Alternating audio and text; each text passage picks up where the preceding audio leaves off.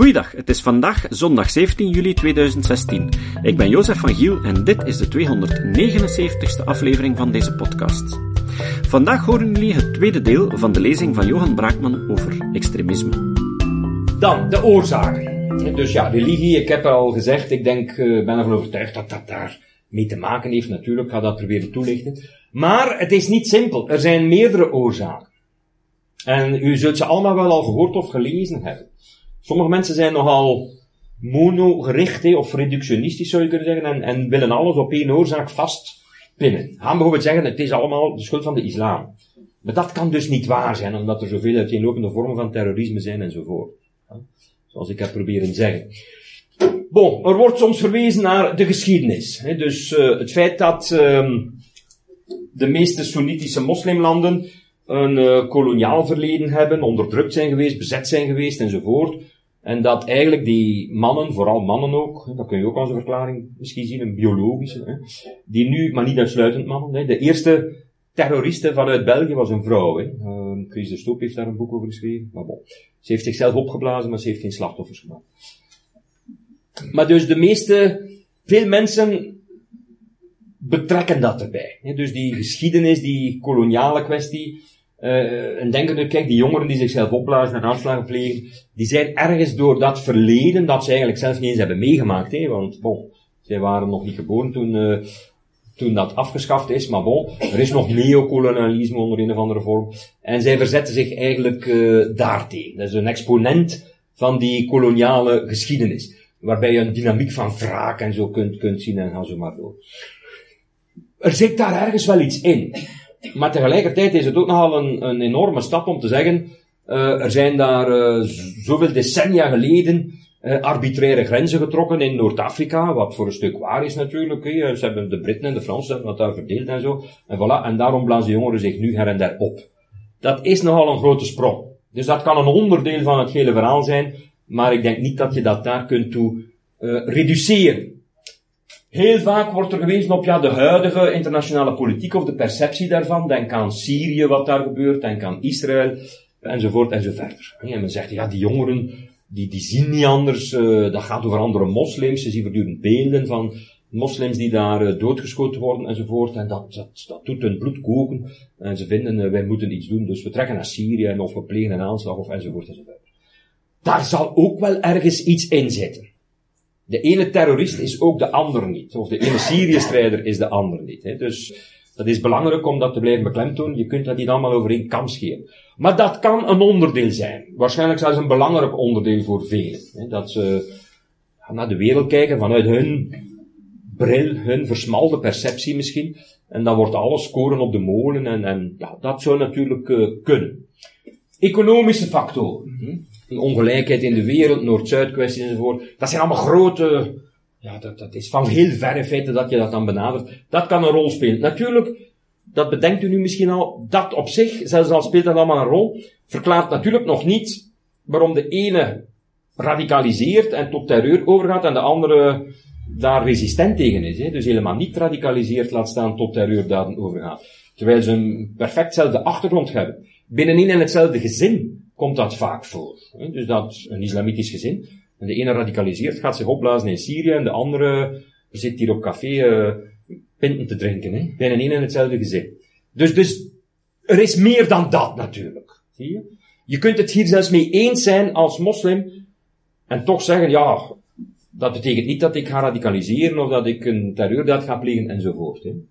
Demografie, ook daar wordt opgewezen. Dus er is in de literatuur van alles naar voren gebracht. Demografie betekent dus hier onder meer dat in veel islamitische landen er een enorme bevolkingstoename is geweest. Te veel mensen eigenlijk, dus te weinig jobs. Er is een hele generatie die verloren loopt, uh, die geen werk heeft, geen zingeving vindt, ook geen vrouw vindt. Ook daar is een heel boek over geschreven, dus dat uh, het feit dat de potten daar soms overkoken, of bij de moslimjongeren, ook hier, maar vooral in, uh, in het Midden-Oosten, dat dat is omdat er ja, uh, een vorm van seksuele hypocrisie is en onderdrukking enzovoort, een, een, een zeer conservatieve seksuele moraal, en, uh, en ook domweg te weinig vrouwen. En er is een hele generatie jongeren die niet aan hun trekken komt, jongens dus, en, en ja, dat testosteron, gaat niet weg en uh, het gevolg is dat ze dan maar terreurdagen gaan plegen. Dat, dat is allemaal wat kort door de bocht. Niettemin, die demografie in de brede zin van het woord kan ook een rol spelen natuurlijk. Hm? Religie, daar wordt natuurlijk ook door velen uh, met de vinger naar gewezen. Sommigen zeggen, heeft er niets mee te maken. Anderen zeggen dan net, het heeft er alles mee te maken. Ik denk dat het er iets mee te maken heeft. Belang, veel, relatief veel. Ik zal daar zelf nog straks over spreken. Psychologische factoren, zal ik ook toelichten, hebben er zeker ook mee te maken. Ik vind dat eigenlijk het belangrijkste. dus dat geef ik wel mee. Want de spanning stijgt te veel anders uh, misschien.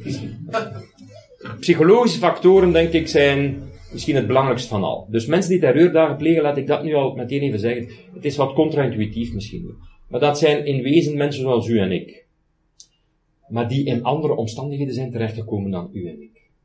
Maar ook wij zijn in principe in staat tot radicalisering en misschien zelfs tot het plegen van daden waarvan je nu niet wist dat je daartoe überhaupt zou in staat zijn. Dus dat is de invalshoek die ik toch wil beklemtonen. Dat is dus niet de enige, maar ik denk dat hij wat onderbelicht is. Andere mensen wijzen dan weer op sociale isolatie, op discriminatie, op armoede, op racisme. Dat zal allemaal ook wel hier en daar een rol spelen. Uh, maar opnieuw, dat kan niet het enige zijn. Uh, er is ook herhaaldelijk op gewezen, ik denk niet onterecht, dat bijvoorbeeld de aanslagen gepleegd in New York, of die in Londen, en de anderen ook eens moeten nakijken, maar dat die gepleegd zijn door mensen die ingenieur waren, arts zijn enzovoort. Dus hoogopgeleide mensen, die eigenlijk niks tekort gaan, die alle kansen hebben gehad, dan gaan ze maar door. En toch radicaliseren die en plegen die aanslagen. Dus, dus zeggen, ja, het is allemaal de schuld van, uh, van ons dan in feite. Nee, dat, er zit daar ook een, een stuk westerse zelfculpabilisering in. Uh, we hebben die mensen niet geïntegreerd, we hebben hem geen kans geboden enzovoort. Daar is voor sommigen iets van aan, maar tegelijkertijd is dat ook zeker niet het volledige verhaal. Dus ik denk dat we daar zeer genuanceerd moeten over zijn. Er is natuurlijk internet waar de lokgroep van haatpredikers makkelijk verspreid kan worden enzovoort. Ik denk dat dat natuurlijk ook erg belangrijk is. Hè? Dus ja, binnen twee seconden kunnen we hier uh, websites vinden die ons in een verhaal strikken als het ware. En dat kan snel gaan. We weten dat dat erg snel kan gaan. Op een paar weken tijd, misschien sneller, kunnen mensen uh, radicaliseren en vinden, ja, ik moet naar Syrië, ik moet daar uh, Mol gaan helpen moorden of mij opblazen. Of, that, that's the right thing to do. Dat kan heel snel gaan. Merk op, ook dat is een fenomeen dat historisch bekend is, dat van alle tijden is. Er zijn zo studies over plotse bekeringen van mensen in de 16e eeuw, de 17e eeuw, de 18e eeuw. Bijvoorbeeld, we gaan uh, volgend jaar zeker, 2017, zal de beeldenstorm, mag niet zeggen gevierd worden, maar uh, herdacht worden. Dus daar zijn goede studies over, hoe dus mensen, ook in onze streken, Louis Palboon heeft er een boek over natuurlijk, maar dus uit de wetenschappelijke studies blijkt, je kreeg daar eigenlijk ook een dynamiek waarbij jonge mensen op zeer korte tijd in aanraking kwamen met zo een of andere, ja, wij zouden nu, dus zeggen een, een haatprediker. Toen waren dat de mensen die de hagenpreken hielden, kent u dat begrip? Dus mensen die buiten de stad zo preken gingen houden, die eigenlijk verboden waren. En die kregen al snel volgelingen. En het gevolg was dat die volgelingen terroristen werden. Uh, in eerste instantie gingen ze de kerken en de beelden, vandaar de beeldenstorm gaan kapotslaan. Maar er werd al snel ook gevochten en gemoord en verkracht en geplunderd enzovoort. Terwijl in een paar weken daarvoor waren dat boerenzonen en de waren dat gewone jongens. Met die onder de invloed kwamen van die haatpredikers, zullen we maar zeggen. Dus dat is ook van alle tijd. Vandaar ook, u begrijpt, dat is nu een simpel voorbeeld, dat ik toch een grote klemtoon op de psychologie leg. We zijn daar blijkbaar vatbaar voor. Voor dat soort vrij plotse, ja, bekeringen zal ik het nu maar noemen. En een bekering hoeft niet per se religieus te zijn. Hè. Je kunt ook bekeerd worden uh, op allerlei andere manieren. Er zijn mensen met gebrek aan zingeving, mensen met gebrek aan identiteit, en die daar dan plots, ja, iets in vinden. Hè. Daar zal ook iets in zitten. Veel van die uh, daders van terreuraanslagen, uh, Abdeslam en al die andere gasten, ik vergeet die namen, uh, u waarschijnlijk ook, maar goed. Die hadden uh, een verleden als kleine of minder kleine criminelen. Een drugshandel en weet veel wat, allemaal een beetje in de gevangenis gezeten en waren bekend met de politie en zo. En dan wordt soms gezegd, ja, dat is bijna een logische overgang van zo'n straatcrimineel naar een internationale bekende terrorist. Dat klopt ook niet helemaal, denk ik. Ik denk dat dat ook wat subtieler is, dat het misschien voor een stuk eerder zo is dat die mensen net willen breken met dat verleden van, ja, van losers, hè, die, die van geen houtpijlen weten te maken enzovoort. En dan vinden ze eigenlijk een, een betekenis, een zin ze worden iemand. Hè. Als je die beelden ziet van die jongens die naar Syrië zijn getrokken, daar zijn ze belangrijk. Hè. Worden plots uh, ja, bewonderd zelfs. Hè. En, en over, heel de, over heel internet en zo. Ze worden bekend internationaal en gaan zo maar door. Dus ik denk dat het eerder dat is. Hè. Dus het zich vormen van een identiteit. Nog anderen zeggen, ja, het zijn allemaal psychopaten. Gewoon uh, mensen die volstrekt geen geweten hebben, geen, geen empathie hebben, geen normen hebben, geen normen enzovoort. En, uh, ik denk dat dat ook zeker niet klopt. Uh, procentueel gezien zijn niet zo geweldig veel mensen psychopaat, gelukkig. Een Dutroux bijvoorbeeld is een typische psychopaat. Om verschillende redenen klopt dat dus niet. Kijk, alleen Dutroux is een goed voorbeeld. Een, een echte psychopaat is niet geïnteresseerd in het hogere doel. Ziet u? Die jaagt alleen zijn eigen interesses na. Dutroux was geïnteresseerd in het kidnappen van meisjes om die te verkrachten en zo, weet ik veel allemaal zo. Dat draait rond zichzelf. Terwijl terroristen hebben vaak, hoe raar het ook klinkt, een soort ethisch ideaal. Ze, ze doen hun daden voor het hogere doel, ook al vinden wij dat natuurlijk compleet verknipt. Dus dat alleen al onderscheidt hen daarvan. Plus, er zijn vele studies, dat is dus ook weer psychologie, ik zal daar straks dus nog meer over zeggen, die dat aantonen. Het is niet zo moeilijk om gewone mensen, dus geen psychopaten, Mensen zoals u en ik, zal ik maar zeggen. Hè. Om ons dus daden te doen doen, waarvan een buitenstaander zou zeggen, ja, alleen een psychopaat zou zoiets doen. Dat is een beetje beangstigend misschien. En als u dat weet, dat u daar eigenlijk zelf ook toe in staat bent. Dus ik denk dat dat meer uh, hier de juiste invalshoek is. En er zijn er nog andere, maar daar kom ik nu even niet op, of daar heb ik nu de tijd niet voor. Dus, maar ik denk dat dat allemaal tot op zekere hoogte wel een rol uh, kan spelen. Ik heb dat al vergeleken met hoe sectes werken ook. Als ik nu heel concreet even inga op de Syrië-strijders, bijvoorbeeld door uit België van die jongens geronseld worden om uh, in Syrië terreurdagen te gaan plegen, of, of, of in Europa natuurlijk, als ze terugkomen, of mee voor te bereiden. Eigenlijk moet je zoiets, of kun je zoiets begrijpen vanuit hoe een secte werkt. Het is een hele vergelijkbare dynamiek. IS is eigenlijk een soort secte. Hè beantwoord aan alle uh, omschrijvingen daarvan. Er is de inpalming. Hè, u herinnert zich dat nog? Zo'n Fouad Belkacem die ja, jongens ronselde, hè, die daar gewoon tegen mij te praten. En, en, en natuurlijk een soort uh, zesde zintuig geeft voor de, voor de zwakkelingen, de kwetsbaren, die op zoek naar identiteit enzovoort. U kent allemaal de typische voorbeelden. Vaak uit gebroken gezinnen en weet ik veel wat allemaal. Maar niet allemaal natuurlijk. Hè. Er zijn ook hoger opgeleiden bij enzovoort, zoals ik al zei. Het is een beetje van alles. Hè. Maar goed, ze zijn toch ontvankelijk voor zo iemand. En ja, de rest volgt dan al bijna vanzelf. Eens je dus tot die groep toetreedt, dan, dan val je onder de controle van de groep. En dan kun je niet zomaar meer gaan afwijken. Dus tot een groep behoren heeft consequenties natuurlijk. Hè. Als men nu vraagt, ja, mocht het onze groep, uh, mocht erbij zijn, omdat dat goed is voor jou. Hè. Je krijgt een identiteit, je hebt vrienden, je hebt warmte enzovoort, die je misschien elders niet vindt. Maar je moet wel een uniform gaan dragen, want we willen dat je duidelijk maakt dat je tot de groep behoort. Ja, dan doe je dat, want je, je bent blij dat je bij je groep bent, maar automatisch zit je dan al wat dieper in. Je kunt dan er niet zomaar aan een tijdje weer uh, uitstappen. Uh, er is vaak een, ja, een soort charismatische leider, die men hele bijzondere eigenschappen toeschrijft. Dat kan heel klein zijn, zo'n soort Belkacem-achtig figuur. Maar dat kan natuurlijk ook uh, op veel hoger niveau zijn, zoals die, die leider, al-Baghdadi zeker, van IS bijvoorbeeld. Dus die leden hebben daar dan een soort bewondering voor, vinden dan snel dat die onfeilbaar is en gaan zo maar door. Er is een hiërarchie in die groepen. Dat zie je bij IS ook. Hè. Je moet klein beginnen en dan moet je je, je pluimen verdienen. Hè. Dus je moet dingen doen om duidelijk te maken dat je, dat je het meent. Dat zie je bijvoorbeeld ook bij de dynamiek van uh, gangsterbendes in de Verenigde Staten, in LA bijvoorbeeld. Uh, als je daar wilt bij zijn, ja, kan misschien wel, maar dan moet je eerst, uh, je moet een moord plegen of iets dergelijks om te bewijzen dat je dat je het meent. En die mensen doen dat dan, en als je dat dan doet, ja, dan, dan zit je er dieper in. Dan raak je niet zomaar weer uh, uit. Er is afzondering, ja, letterlijk in een ander land misschien, of, of, in een gebouw, of, of afzondering van sociaal ook en geografisch. Er is een gevoel van uitverkiezing. Veel van die mensen denken, ja, dat moest zo zijn. Ik, ik vind mijn lotsbestemming hier. Ik, ik weet nu waar ik thuis hoor. Uh, zij getuigen dat ook zo. Hè? Men gaat zich afsluiten voor andere informatie. Geen contact meer met familie, men negeert uh, e-mails, telefoontjes, men leest geen kranten meer, men leest alleen nog propaganda in feite. En men luistert alleen nog naar mensen die de opvattingen die men zich gevormd geeft, gaan bevestigen. Veel van die opvattingen zijn ook volstrekt irrationeel. Dat is ook een kenmerk van veel sectes.